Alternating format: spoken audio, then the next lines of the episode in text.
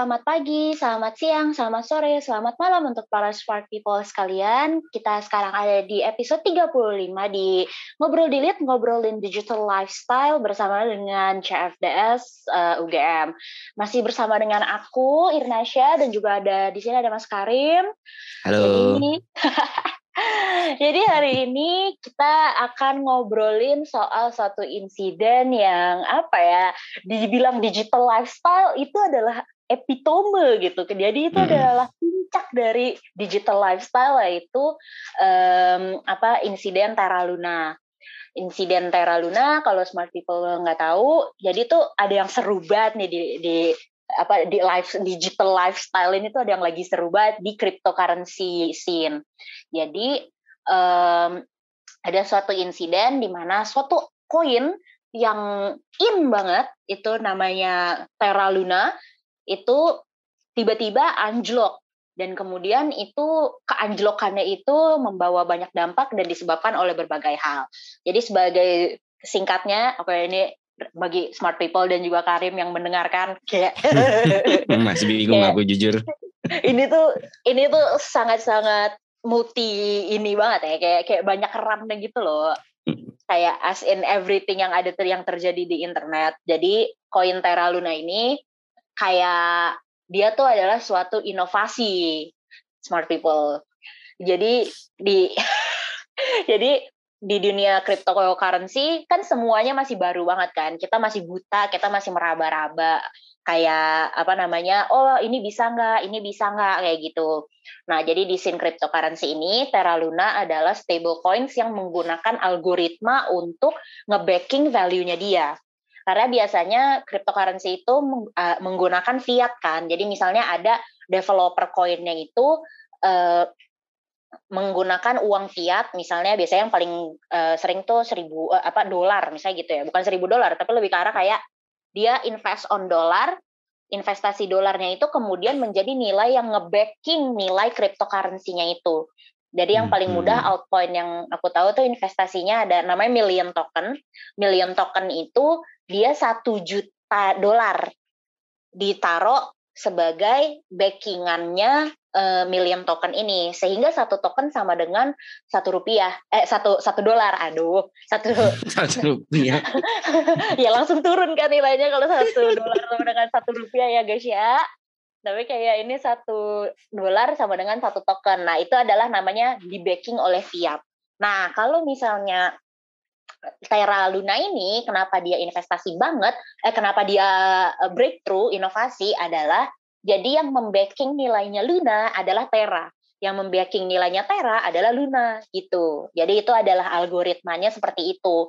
Jadi how it works kalau misalnya Terranya demand kayak tiap Terranya tinggi demand itu Luna akan turun. Nah, kalau misalnya Lunanya banyak demand ya Terra turun kayak gitu loh. Jadi kayak mereka turun naik turun naik aja supply demand yang gabung gitulah ya simpelnya.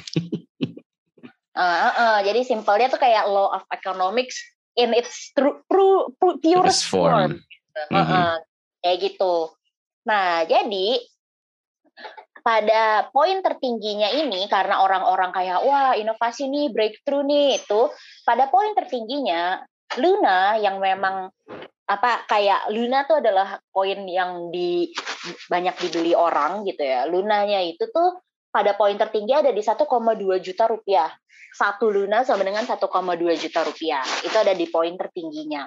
Dan kemudian kayak zat itu zat zat fakta kalau 1,2 juta sama dengan satu rupiah itu tuh menggiurkan banget smart people untuk orang-orang yang pengen investasi tapi di sini orang-orang tuh udah spesifik, yaitu kaum muda. Karena orang tua ya mana paham gitu. Cuma bayangin hmm. aja smart people, hmm. kalau misalnya satu satu koin sama dengan 100 juta, berarti kalau misalnya let's say smart people punya uang berapa invest 100 koin gitu ya, dapat 10 juta within the hopes terus abis itu uh, smart people masukin sejuta, itu kan berarti kan bisa eh, punya 100 koin berarti punya 100 juta kan? Mm-hmm. Ya, ya kan. Nah itu atau lebih tuh. aduh my math isn't really that great ya teman-teman ya kayak ada alasan kenapa masuknya jurusan sosial ya but my, my math isn't that great tapi intinya tuh return on investmentnya tuh tinggi banget dan tahun 2022 ini tuh orang-orang tuh kan sedang kaum muda sih generasi muda tuh lagi in banget tuh yang namanya metaverse. Eh enggak kalau metaverse yang lebih excited kayaknya sih orang tua ya kayak NFT bener banget sih. Iya kan, kalau metaverse tuh yang semangat orang tua kita sih menurut aku. Coba kalau dia di angkatan kita tuh lebih ke arah NFT, kripto, kayak kalau nggak punya, kayak pasti at least semua orang di generasi kita yang emang up to date sama inter, digital lifestyle udah have heard of atau malah udah punya yang namanya kripto dalam kripto maupun koin ataupun aset apa pun ya yang ada di kripto be it NFT atau koin at least has heard of it udah pernah dengar atau bahkan punya kayak gitu. Nah, jadi kayak dengan return on investment yang gila-gilaan ini nggak jarang juga eh, orang-orang uh, generasi-generasi muda yang uh, memikirkan oh bisa nih ini invest di sini. Karena properti aja nggak segitunya kan returnnya gitu. Mm-hmm. Reksa apalagi sih Rim kayak yang lagi in banget di generasi kita kan reksadana sih. Mm, reksadana, saham gitu-gitu. Tapi kan ya, itu returnnya mereka sangat kecil dan apa ya naik sih naik cuma kayak butuh berapa waktu yang lama. Sedangkan cryptocurrency kan apa ya yang bikin menggiurkan adalah kayak toto ROI hari ini bisa aja empat kali lipat dari kemarin. Ya. Itu yang mungkin bikin menarik sama kaum kaum muda seperti kita karena kita butuh iya, duit. Generasi instan gitu kan.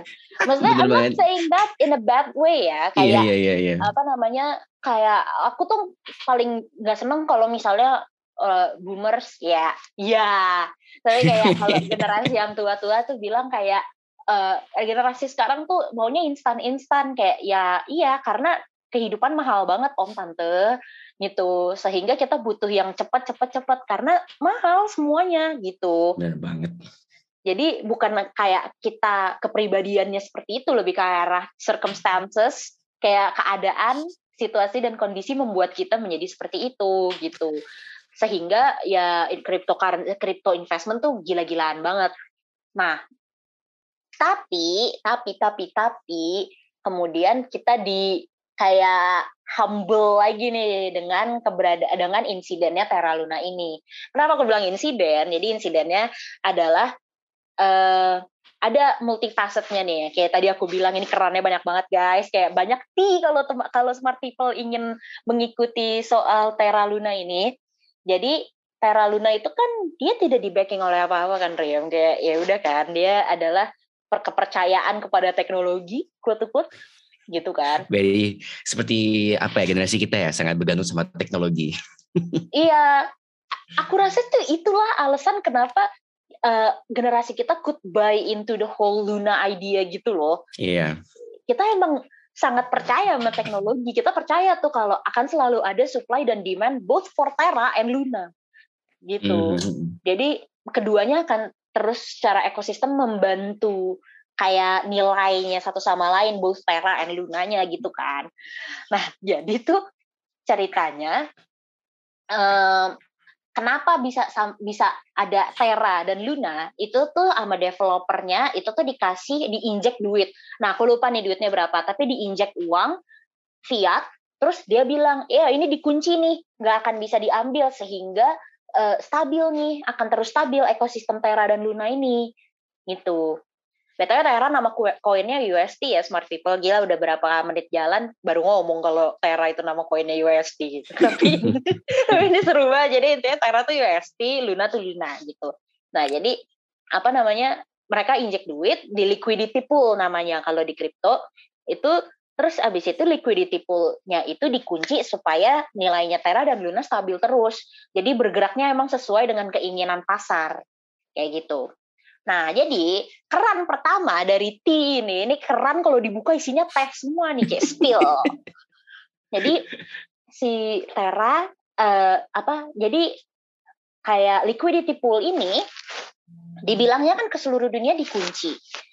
Kayak hmm. nggak akan ada yang bisa mengganggu gugat. Bahkan waktu itu at some point foundernya bilang kalau kita mess around sama duit yang dikunci ini kita bisa masuk penjara lah apalah gitu ternyata itu bohong guys.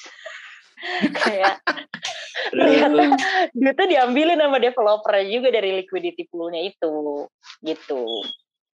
Nah terus abis itu itu adalah keran pertama. Keran kedua itu ada juga soal kayak ya gimana ya manusia tuh kan sombong ya kayak manusia tuh kan tempatnya kesombongan gitu kan. Jadi ada juga yang soal foundernya uh, Terra Luna itu nantangin orang-orang untuk mencoba merusak algoritma ekosistemnya uh, Luna karena dia percaya kalau tidak akan ada yang bisa mendobrak ekosistem Terra Luna tadi tuh yang kayak apa namanya bagaimana Terra dan Luna akan selalu punya supply dan demand untuk uh, menstabilkan ininya uh, apa uh, valuasi koinnya Luna dan Terra itu sendiri itu kan ada algoritmanya tuh. Nah, foundernya ini tuh entahlah mungkin dia termakan oleh kayak power and money. Jadi dia mencoba untuk eh, dia bilang kayak ya udah coba aja gimana tuh. Coba hancurkan ini Tera ini gue langsung flashback ke Titanic tuh gak sih Rim Iya. Kayak, Even God cannot sing this ship. Eh ternyata. Iya, iya kan. Kayak eh tolong dong ini podcastnya uh, pusat studi.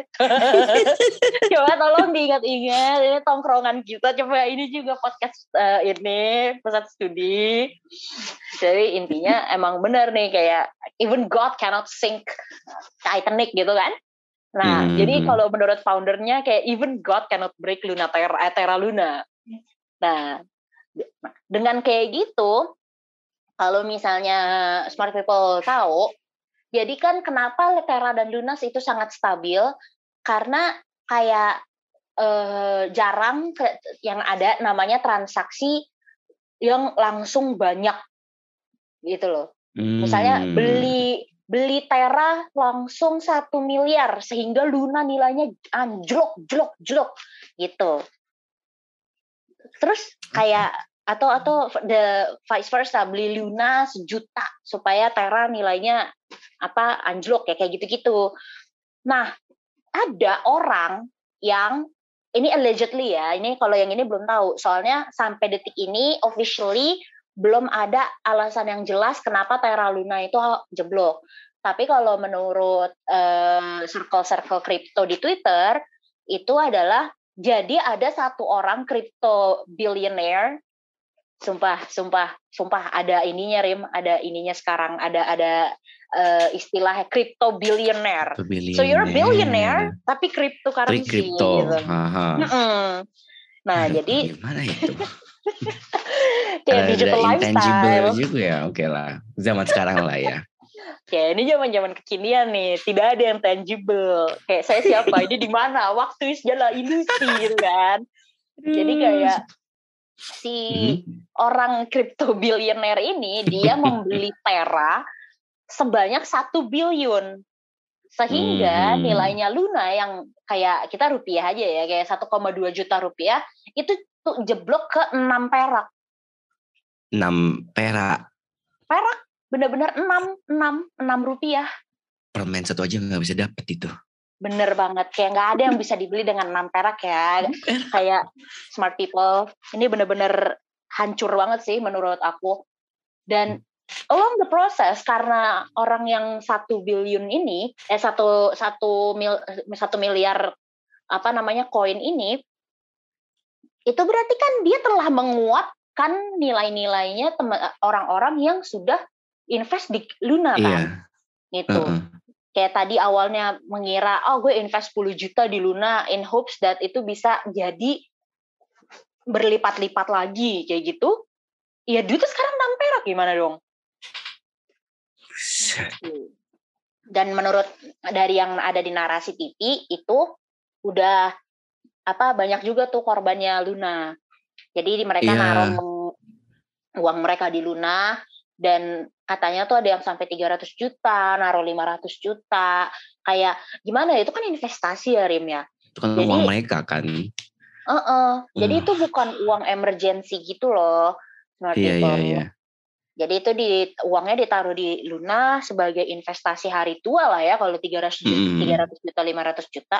Terus habis itu ya menguap begitu aja karena ya berbagai keran tadi gitu. Sehingga ini apa yang bisa hmm. kita ambil dari sini menurutku tuh ini bisa jadi something of lesson ya untuk kita semua. Kayak jujur aku sih nggak investasi di kripto ya. Bukan karena Sama aku nggak mau tapi aku nggak punya uang gitu. Dengan aku nggak paham. Jadi kayak nggak berani gitu loh. Karena nggak nah, paham. nah iya itu tuh soal kayak aku tuh kita tuh di sini di CFDS ingin menjelaskan soal insiden Terra Luna ini juga agak-agak bingung, bingung. bingung gitu. Kayak apa ya we understand. Yeah, tapi basicnya paham really tapi kayak gitu. mau dijelasin yang biar lebih mudah biar lebih lugas itu kayak eh gimana ya? Karena kita juga mengertinya itu kayak oh kayak apa ya paham konsepnya langsung itu loh. Kayak oh karena ini therefore ini dan ini juga kita sadar kayak emang ini adalah multi layer gitu loh. Kayak gara-gara hmm. kasus Federal Reserve yang dinaikkan terus stimulus tax yang dihilangkan terus kemudian inflasi Amerika Serikat yang naik. Jadi kayak bener-bener kalau mau dilihat dari satu sisi ya nggak bisa. Karena semuanya itu adalah kejadian dan insiden yang ada sebab dan akibatnya gitu.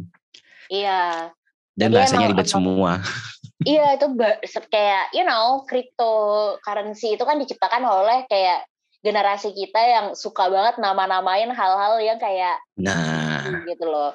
Kayak misalnya crypto slang nih yang menurut aku paling lucu adalah hodl. Tahu gak apa? Aku nggak tahu ya apa itu. H O D L gitu. Hold on for dear life gitu. Jadi don't buy, don't sell, hold it in with your dear life kayak gitu. Jadi emang emang kayak gitu. Crypto space tuh kayak buat smart people yang lagi dengerin ini kayak crypto space tuh it's full of hal-hal yang penting-penting nggak penting gitu. Jadi yeah, kayak yeah, yeah. nama-namanya tuh kadang lucu-lucu banget sih. Kayak please check out the kayak crypto slang di di YouTube itu lucu-lucu banget. Nah terus mm -hmm. Pokoknya mari kita kembalikan ke podcast akan uh, pusat studia. back on track, back on track. back on track, back on track. Jadi sekarang nih pertanyaan pertama ya dari insiden Terra Luna ini yang memakan banyak korban. Jadi kita menganggap itu serius. Mari kita coba uh, tarik hmm. lessonnya. Nah pertanyaan pertama dari aku nih on this Terra Luna incident. Menurut Karim, menurut uh, apa namanya smart people nih yang tiba-tiba kayak enggak Nes, menurut saya, nah kayak gitu. Itu tolong reach out ke DM kita jadi pertanyaannya gini, bijak nggak sih kalau investasi kripto itu jadiin eh, dibilang sebagai investasi hari tua atau investasi pada umumnya? Karena dibilang kan selalu oh kripto tuh investasi, kripto tuh investasi aset digital masa depan karena the future is moving to digital kan kayak gitu sehingga kripto hmm. aset tuh dilihat sebagai investasi banget dan kayak kita pernah mention ini di di episode NFT ya nggak sih yeah. kayak aset digital Nah, menurut Karim, apakah ini bisa crypto investment tuh bijak kalau misalnya dimasukin duit-duit hari tua kita yang kayak emang kita simpan untuk masa masa depan gitu. Gimana menurut lo? Hmm, kalau menurutku ya ini kembali lagi ke strategi dan kemampuan dari smart people untuk berinvestasi.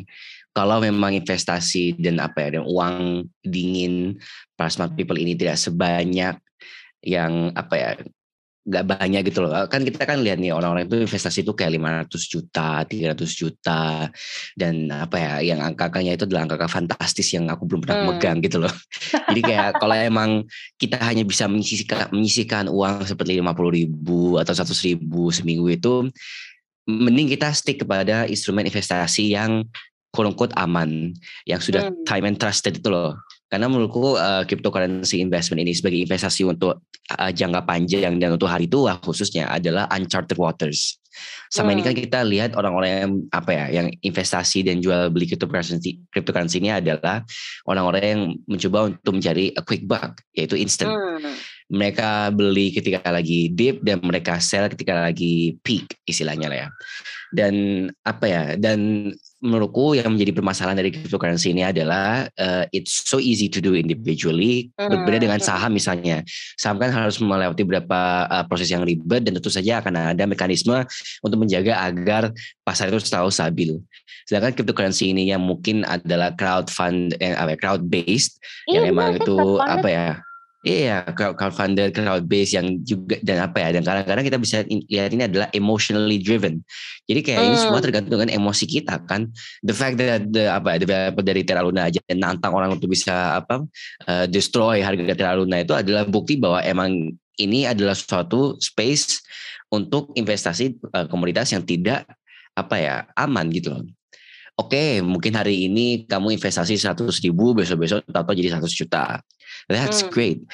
Tapi apa ya? Let's let's think for a second. Kayak kalau misalnya kita dalam posisi itu, apakah kita akan langsung menjual itu untuk kemudian dapat value 100 jutanya kah? Atau kita akan bet on the chance that the 100 juta itu akan jadi satu miliar the next day? Iya banget, iya banget. Nah, iya itu banget. kayaknya sepertinya most likely yang akan terjadi adalah orang-orang akan bet. Dan jadi mungkin konsep judi atau enggaknya dari cryptocurrency adalah judi waktunya. Karena kita bet on the time ketimbang bet on the cryptocurrency.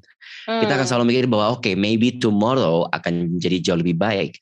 Atau mungkin oke okay, maybe hari ini dip tapi besok nggak akan dip separah-parahnya. Tapi kenyataannya ya gini, ketika Terra Luna udah mulai turun, terus orang mikir kayak oke okay, nggak mungkin lah turun kan ini mungkin adalah apa ya uh, pola pola pattern dari pasar lah ya mungkin hari ini turun kemudian naik lagi tapi bagi orang-orang yang dengan mindset seperti itu yang akan hold hold hold hold hold tahu-tahu dia dip ke 6 perak rupiah aja itu kan berarti menunjukkan bahwa mereka itu ya in this karena mereka itu get the thrill of judi without the legality issues of gambling di hmm. Indonesia misalnya. Ya, ya, judi ilegal di Indonesia tapi cryptocurrency oke okay, jalan. It's apa ya? It, it, it's it's a psychological thing itu loh kayak kita merasa dan mungkin karena kita nggak nggak pernah apa ya nggak pernah megang konsep judi di Indonesia itu loh. Mungkin dengan negara-negara lain yang judi ada hal yang lumrah kita apa mereka ngerti kayak apa ya uh, sunk cost dari judi itu seperti apa. Sedangkan kalau mungkin di orang Indonesia nggak pernah megang judi well mungkin taruhan lah ya. Dan mereka kemudian dikenalkan dengan apa mainan baru namanya cryptocurrency. That's our gambling. That's our judi right here and there gitu loh. Yang udah ah, di ah, apa ya, ya udah ada sistem yang terstruktur dan sudah dipajakkan oleh negara. Tanpa disadari ya kita udah masuk ke dalam judi itu loh. Mungkin dan again ini adalah bukan judi yang in a traditional sense yang kayak kita uh, bet with money tapi kita bet with time gitu loh Iya, iya. Bisa yeah. say that that betting with time is not judi. Kalau menurutku ini adalah bentuk judi yang apa ya yang kita adalah ya itu mempertaruhkan uh, waktu dengan harapan you know, as the saying goes time is money literally yeah, time yeah, is money yeah, in this yeah. case loh bagi orang-orang yang main cryptocurrency uh, or maybe apa instrumen apa investasi lainnya yang sangat berpengaruh terhadap waktu ya waktu adalah uang karena bisa jadi ya detik ini itu berubah harganya secepat itu dan makanya ya menurutku nggak bijak karena investasi untuk jangka panjang itu adalah investasi yang kamu harus apa ya to forget. Bukan kamu yang investasi yang kamu harus perjuangkan tiap hari tapi lebih ke set aside and forget. Yang tahu-tahu oh, jadi iya, iya, pundi-pundi uang gitu loh. Jadi kayak emang literally kamu apa ya masukin uang ke instrumen apa ya udah kamu lupakan itu loh caranya biar jadi investasi jangka panjang. Karena kan that's the idea. Biar kamu tahu-tahu pasti hari hari itu akan ada uang segepok nih misalnya. Dan ideally kalau misalnya mau investasi untuk jangka panjang dan apa eh, hari tua itu juga harus mengikuti uang yang diikuti apa ya uang yang ditaruhkan untuk apa investasimu itu loh. Beda dengan cryptocurrency ini. Kan ini kan benar-benar kayak ya udah kamu ada uang berapa nih? You're betting on the time dan misalnya uang yang aku pegang ini akan simsalabim prok-prok jadi satu m gitu loh Iya, iya, iya, benar. Nggak bisa itu buat jadi jangka panjang karena at the end of the day kamu bakal ambil uang itu sekarang, kamu bakal gunakan juga karena menurutmu ini adalah apa ya? Uh, secara ekonomi adalah keuntungan yang apa ya? Yang sangat-sangat untung gitu loh, with minimum uh, um, apa? With minimum capital menjadi gain yang sangat besar. That's the idea of economy juga kan. Hmm. Tapi kita nah, nah, karena karena kembali lagi karena ini adalah emotionally driven, kemudian jadi lupa nih kalau memang itu adalah buat investasi jangka tua gitu. Yeah. Tiba-tiba kamu dikasih uang 1 M apa 1 M itu kan mikir kayak wah lumayan nih bisa buat beli ini, bisa buat beli itu, tahu-tahu uangnya habis. I I think that's the issue gitu loh karena menurutku let's face it, I don't know. Mungkin generasi kita itu kayaknya nggak pernah megang uang sebanyak itu. Jadi kayak kalau dikasih uang sebanyak itu ya bakal dihamburkan gitu loh. Yeah. Kembali lagi mungkin dengan mentalitas bahwa ya kita melihat dunia ini sebagai dunia yang uh, jangka pendek teknik yeah, gitu. Iya benar benar benar benar. Kayak live a little gitu loh. we don't know if we're gonna be alive the next day, therefore let's spend the money now. Nah mentalitas seperti itu tuh yang nggak mungkin bisa berjalan untuk investasi jangka panjang gitu loh. Apalagi dengan instrumen yang sangat dinamis seperti cryptocurrency itu loh. So imagine that apa ya uh, wishful thinking generasi muda or negative thinking sih wishful thinking dan negative thinking dari generasi muda yang apa ya mungkin atau tidak mungkin percaya dengan jangka panjang hidup mereka yang panjang atau enggak ditambah dengan emotionally driven investment uh, instruments ya menurutku ini adalah uh, a recipe for disaster gitu loh. Iya yeah, iya yeah, iya. Yeah. And it is and it is kayak terlepas dari apa ya terlepas dari insiden ini yang apa ya menurutku agak uh, apa ya konyol juga circumstancesnya let's face the reality a lot of people lost their money banyak hmm. orang itu kehilangan uang mereka dan itu adalah satu-satunya uang mereka gitu loh menjadi satu-satunya orang mereka karena mereka tuh sangat percaya kepada sistem ini untuk menjamin uang mereka dengan value yang sama dengan harga yang sama dan oleh karena itu mereka menaruhkan gitu. iya dan mereka menaruhkan semua uangnya mereka mereka mikir oke okay, kalau misalnya dengan dua dolar aja bisa jadi 20 dolar bayangin kalau misalnya seluruh tabungan hidupku aku masukkan itu dan jadi berapa puluh ribu dolar itu yeah. kan apa ya that sort of trust itu kan sangat bahaya the, the fact that apa ya di uh, Reddit thread di thread Reddit berapa cryptocurrency ini juga apa attach hotline call untuk suicide call itu yang menurutku ini yeah. adalah apa ya it's a wake up call gitu loh aku setuju sama kata Mbak Ines kayak kita apa ya kita generasi sebagai apa ya yang kita terlalu instan dan ingin semuanya cepat itu kemudian jadi di humbled oleh apa kejadian ini that's that to me I agree with that we are being humbled right now gitu loh cuma menurutku ini adalah bukti apa ya cara humble yang paling apa ya kurang ajar gitu loh. Iya, yeah, way way uh, banget gitu. Way too hard gitu loh. Kayak maksudku ini adalah apa ya dan let's face it, cryptocurrency investment itu cenderung predatory gitu loh. Crypto ya, bros, crypto bros itu yang aku yang aku nggak suka dari cryptocurrency ini adalah kulturnya sekarang ini seperti itu loh, kayak hustle culture, crypto bros, kayak dia benar-benar kayak mengajak semua orang apa ya dengan dalil ini akan menjadi sebuah apa ya life changing moment gitu loh yang akan mengubah seluruh hidupmu kayak oke okay, mungkin kamu sekarang cuma beli bisa beli makan dengan harga budget 3 dolar sehari besok kamu bisa beli makan dengan budget 300 dolar sehari who doesn't want yeah. that Iya iya. Apa ya kata-kata manis gitu loh. Dengan sosial media dengan media sosial kan itu jadi lebih gila lagi kan orang-orang yes, partner gitu bener, yang awalnya bener. miskin setelah bermain investasi kripto jadi punya Rolls Royce kayak nah, gitu. Nah benar benar benar.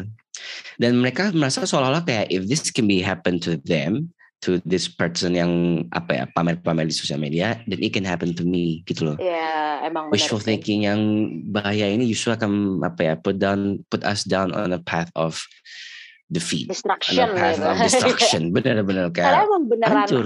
Hancur. Uh, hancur kayak kalau misalnya ngomongin soal investasi kripto, ada part of it adalah uh, in a way ya nggak ada expert loh teman-teman di sini. Mm -hmm. Semuanya masuk ke kayak narok kakinya ke air yang sama gitu karena ini baru. Makanya kalau kita tanya sama apa ya kayak financial manager ini kayak yang kayak gini-gini kan ada profesinya sendiri loh investment banker investment apa manager terus investment uh, consultant. Tapi bahkan kayak quote to quote expert expert ini pun tidak bisa memberikan kita insight-insight expert praktisnya juga. Jadi agak yang kita bisa percaya adalah yang kita lihat, which is kayak komunitas kripto itu sendiri, kayak kripto bro, kripto yes. bro itu. Nah ternyata kripto bro, kripto bro itu juga susceptible kayak apa ya susceptible kayak mereka tuh juga melakukan kok hal-hal seperti pamer atau segala macam jadi sulit untuk kayak understand kontekstual bagaimana uh, crypto market ini bekerja sehingga kalau in a way sih sebenarnya karena kayak dia tidak true and tested kayak tadi Karim bilang, dia tuh jadi ju judi gitu loh. Which mm. adalah kayak aku pengen menekankan di sini kayak investasi kripto tuh dia bukan dia berbeda dengan investasi lainnya. Kalau misalnya main saham, ya kayak tadi Karim bilang, saham kan udah diregulasikan sama pemerintah kita.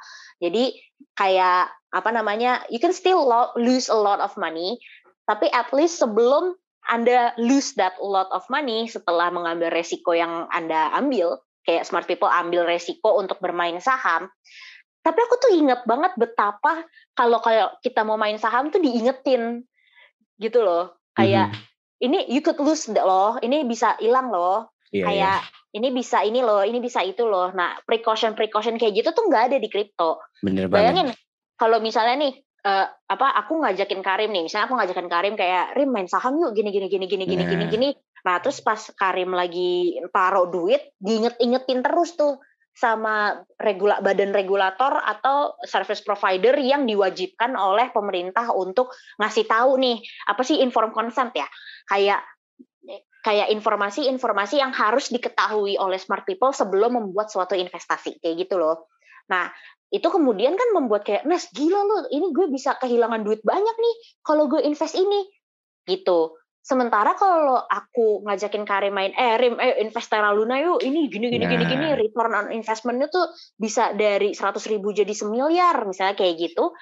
Tapi begitu Karim masukin, ya semudah itu, tidak ada pemberitahuan apa-apa, pokoknya santai aja. Terus karena kita nggak tahu, insting pertamanya kan pasti nge-google kan, pasti kita cari tahu nih di Twitter, di Google apa yang terjadi mengenai apa mengenai Terra Luna ini. Sementara kemudian pas kita taruh sosmed, Terra Luna ini uh, atau kayak investasi kripto ini tuh return on investmentnya gila-gilaan banget dalam waktu singkat pula gitu. Siapa yang nggak akan tergiur? Apalagi dengan karakterisasi uh, generasi muda gitu. Nggak ada yang nggak tergiur. Jadi menurutku tuh yang kayak gitu-gitu tuh uh, a new apa ya suatu hal yang baru dalam kehidupan digital yang aku rasa tuh sulit untuk dijadikan suatu konsep yang ajak karena kita semua masih ngerasain itu dan orang tua orang tua kita tuh nggak ngerti itu sama sekali. Kemarin ibuku ngomong soal cryptocurrency apa tau nggak?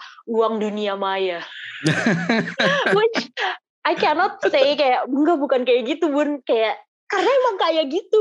Iya iya benar benar benar jadi kita nggak bisa dapat insight-insight terdahulu gitu. Jadi harus cari tahu sendiri. Sementara pas cari tahu sendiri, circle-nya tuh adalah orang-orang seumur kita juga yang mm-hmm. apa namanya kayak ya mereka punya Rolls Royce, ah, kayak kita nggak punya Rolls Royce, kita mau punya Rolls Royce kayak gitu-gitu. Jadi kalau pelajaran dari investasi ini tuh kayak uh, more than investasi, kalau mau invest pakai duit kripto ya pakailah uang dingin. Apa yang bisa uang uang apa sih Rim? Uang dingin, uang dingin kan yang kita yeah. siap untuk hmm. kehilangan hmm. itu. Gitu. Kayak oke okay nih, misalnya Karim punya uang dingin kayak tiba-tiba nggak ada angin, nggak ada hujan, ketemplok durian, duit kayak sejuta gitu ya. Kayak walaupun ya sejuta nggak ada nggak nggak gimana gimana sih, tapi at least tetap itu uangnya mayan mayan gitu. Kalau Karim kalau hilang nggak apa-apa, ya ya udah gitu. Mm-hmm. Jadi invest on crypto, terus abis itu double jadi 10, terus abis itu betting on the chance itu tiba-tiba jadi 10 uh, eh, jadi 100 juta, tapi abis itu besokannya Luna crash jadi tinggal 6 perak. Misalnya kayak gitu. Kayak tapi tidak merasa kehilangan karena itu bukan uang panas, uang yang kita butuhkan gitu. Jadi cuma kayak wah gila gue ketipu coy sama insiden Terra Luna hmm. ini, tapi at least kita tidak menjadi korban karena tidak merasa rugi Benar, gitu. Kayak Dan apa itu, ya? Ini sebenarnya uh, yang yang perlu kita ingat adalah apa ya?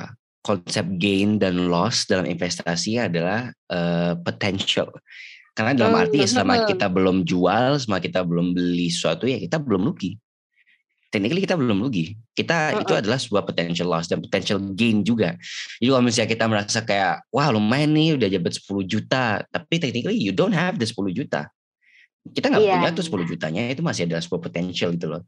Therefore itu bisa naik dan bisa turun gitu loh. Dan sepertinya ya yang kembali lagi kayak sangat emotionally driven ketika kita investasi apa cryptocurrency ini. Kita selalu keikut hype gitu loh. Jadi mungkin yeah. apa ya iya. sebuah pelajaran yang kita bisa ambil lah dari insiden ini dan insiden cryptocurrency in general adalah jangan kemakan hype dari dulu dari dulu Aduh, kita iya selalu bilang guys. jangan kemakan hype gitu loh bahkan NFT aja ya NFT yang super duper hype awal tahun udah nggak ada interestnya lagi dan bahkan harga yang mereka apa ya uh, mereka beli harga dengan 5 miliar cuma paling ya laku satu satu juta gitu loh kayak apa nggak sedih gitu loh It's sedih, sedih definitely ya. Sedih Tapi, sih pasti ya. Pasti, pasti, pasti sedih. But yeah, it goes to show how fast apa ya, seberapa cepatnya itu loh market cryptocurrency ini itu berubah karena masih intangible dan kita juga masih apa ya ada yang bilang kayak ini adalah masa depan dari dunia kita karena kita harus apa ya terlepas dan tidak boleh diregulasi. Kita harus apa ya menjadi sebuah sistem yang termandiri gitu loh. Tapi di saat yang sama well that sounds like it's the apa it sounds like the apa ya, the most dangerous thing to do. Karena tanpa ada regulasi ya gini jadinya gitu loh. Siapa yeah. yang bisa menjamin siapa yang bisa apa ya uh, who would have thought that Terra Luna ini bakal jatuh jadi nampera gitu kan. Mungkin ada, hmm. mungkin ada yang mikir seperti itu. Tapi kalau misalnya kita lihat ada yang apa ya, berpendapat seperti itu, ke kemungkinan besar mereka itu di, dikucilkan dan nggak didengarkan yeah. karena mereka mau apa ya, they want the positive news yeah. ketimbang the negative news gitu loh. At least kalau misalnya ada yang berpikir, oh ini Tera akan jeblok sampai enam perak, dia nggak akan invest di situ. Mm -mm. Iya nggak sih? Jadi Bener -bener. kayak at some point Luna kan bisa sampai 1,2 juta per koin. Itu berarti kepercayaan terhadap ekosistem Terra Luna itu itu tuh memang memang sangat tinggi gitu. Jadi kalau dari uh, apa uh, source-nya source utama aku adalah kayak namanya Coffeezilla bisa dilihat di YouTube. Jadi intinya dia tuh emang mengatakan bahwa ya emang konsep dari Terra Luna tuh baru, inovasi, breakthrough kayak tadi pertama kali aku bilang di awal.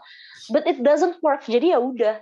Apalagi dengan hmm. developer yang sangat driven by emotion yang nantangin orang-orang untuk ayo coba hancurin algoritma gue kayak guys don't do that kayak aduh lo tuh jangan jangan menantang internet untuk melakukan apa pun karena chances are ada orang gila yang akan melakukannya gitu kan. Yeah kayak exactly. internet is a huge place kayak akan ada satu atau orang eh, dua orang yang berpikir kayak gue kehilangan satu miliar tapi habis itu gue bisa mempermalukan orang ini kayak ada guys yang kayak gitu gitu. It's a small cost to pay bagi It's mereka. It's a small cost to pay pada satu miliar gitu kan. Jadi menurutku kayak sebagai investasi jangka panjang kayak kripto tuh enggak enggak it's not the venue lah kalau menurut not worth it.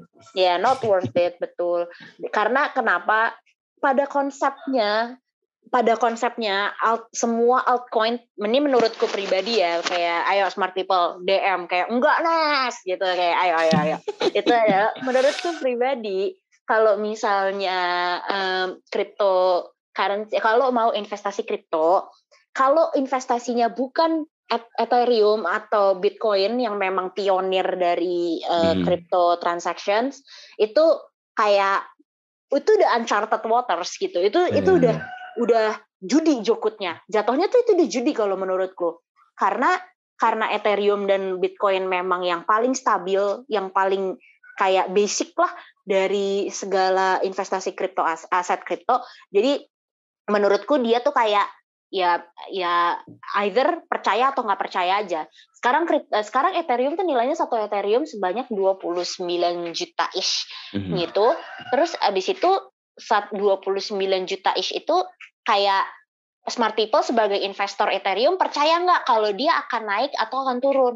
Kayak itu tergantung anda smart people. Jadi kalau aku mau bilang investasi kripto tuh judi sepenuhnya, aku bilang enggak ya. Karena ada kripto yang kayak. Berdasarkan nilai kepercayaan aja nih gitu. Kalau percaya akan naik atau akan turun? Karena menurutku Ethereum selama ada selama blockchain itu masih akan digunakan dia nggak akan turun sampai 6 perak tuh nggak akan karena dia ada backingannya. Tapi kalau misalnya altcoins yang kayak Terra Luna atau apa yang yang Dogecoin itu yang banyak dipromot hype kemudian harganya melambung tinggi kemudian selesai nggak di hype lagi dia jatuh. Ya itu bukan investasi itu judi gitu. Jadi kalau misalnya from me sih lessonnya dari Terra Luna itu sih. Hmm, sepakat sih aku. Kalau menurutku ya ini sih kayak kalau mau investasi itu adalah apa ya hmm, ketahuilah pola investasi yang bagus buat smart people sendiri itu seperti apa. Jangan apa ya langsung ngasih segepok uang uh, ke dalam satu instrumen investasi dan kemudian berharap untuk jadi seorang miliuner atau miliarder atau apalah namanya bilioner apalah namanya apa secepatnya itu loh. It's, it's not gonna happen. Nggak akan jadi seperti itu. Mungkin iya temporarily, tapi at that point question yourself apakah anda akan apa ya bet with your time kalau itu akan naik lagi atau apa ya potentially cut your losses kurang potentially ya karena mungkin kalian akan apa ya melihat akan dia naik lagi dan merasa rugi atau mungkin malah apa ya turun dan merasa beruntung gitu loh jadi hmm. apa it, it depends kayak apakah kita akan uh, bijak dalam apa mengambil langkah selanjutnya dulu. Karena menurutku yang menjadi permasalahan bijak itu bukanlah kita memilih instrumen apa yang kita mau gunakan sebagai instrumen investasi tapi langkah-langkah selanjutnya mau diapain gitu loh Kalau emang smart people ini nggak mau terlalu banyak mikir tentang investasinya ya sudah pilihlah instrumen yang memang uh, aman dan ada regulasinya dan mm. apa ya risk factornya itu sangat jelas gitu loh. Emas misalnya emas itu apa ya harga beli akan selalu mahal daripada harga jual. At that given point it will always be. But harga beli yang apa ya kalian beli satu tahun ini dengan tahun depan itu akan berbeda. Sedemikian juga harga jualnya akan jauh berbeda gitu loh. Jadi emang constant untuk naiknya gitu loh kalau emas. Reksadana dia akan selalu hmm. naik dikit demi sedikit, tapi tergantung dengan pasar dia akan, dia juga bisa aja turun gitu loh. Tapi nggak akan turun sedrastis cryptocurrency misalnya. Betul. Saham prosesnya jauh lebih ribet dan emang ini selalu apa ya uh, Eh, selalu terpengaruh dengan ekonomi global juga. Jadi emang harus butuh perhatian apa ya lebih uh, banyak untuk apa investasi saham. So apa ya know yourself kira-kira apa ya punya nggak waktu sejam misalnya sejam sehari untuk melihat kembali instrumen investasi yang anda miliki. Yeah. Kalau misalnya enggak, if you don't envision yourself doing that even just for an hour, then invest something in which you can just apa ya set and forget. aja. Hmm. Kalau saranku pribadi adalah emas. Itu adalah menurutku hmm. investasi yang apa ya benar-benar set to forget gitu loh. Dan apalagi yeah. sangat dipermudahkan untuk investasi emas di zaman digital now ini. Yeah. Banyak banget e-commerce itu udah apa menyediakan jasa-jasa untuk pembelian emas yang itu juga udah bekerja sama dengan uh, pegadaian maupun juga dengan apa uh, uh, apa ya perusahaan emas mereka sendiri gitu loh. Yeah. And just be apa ya menurutku hati-hatilah gitu loh. Kayak yeah. know yourself jangan langsung kegabah jangan langsung keikut masa ketika mereka lagi hype sesuatu just be chill. Ya kita harus tanya sama honorary member dari tongkrongan ngobrol di lit ini bagaimana bagaimana menurut ayam Karim? Mungkin ya kedengeran ya. Ada.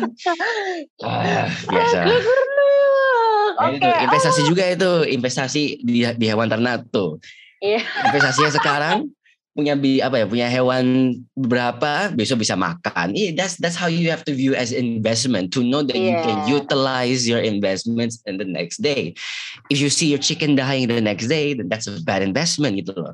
Dan kembali lagi, bagaimana kita bisa merawat ayamnya hidup itu adalah dengan ketelatenan kita. Apakah kita akan merawatnya dengan baik? Apakah kita akan apa ya memberikan perhatian seha, apa ya, sejam sehari saja itu. Kalau misalnya kita nggak bisa bayangin ngerawat ayam, ya sudah jangan investasi di ayam gitu loh. Aduh. Analoginya kedengaran banit. Oke, okay. oke, okay, eh, aku bisa min translasikan apa kata ayam Karim. Kayak apa ayam Karim suruh plug in. Oke, okay, oke, okay, kita plug in sekarang. Oke, okay, plug in lah. Oke. Okay. Kalau kata ayamku jangan lupa follow sosial media kita at CFDS underscore UGM itu buat Instagram dan Twitter. Jangan lupa follow kita follow kita juga di Facebook yaitu Center for Digital Society. Oh, kalau kata ayamnya barusan, jangan lupa lihat website kita di cfds.visipol.ugm.ac.id untuk semua hasil riset kita. Thank you smart okay. people sudah mendengarkan podcast kita kali ini bersama ayam-ayam tetangga saya. Sampai jumpa di kesempatan berikutnya. Bye. Dadah. Bye.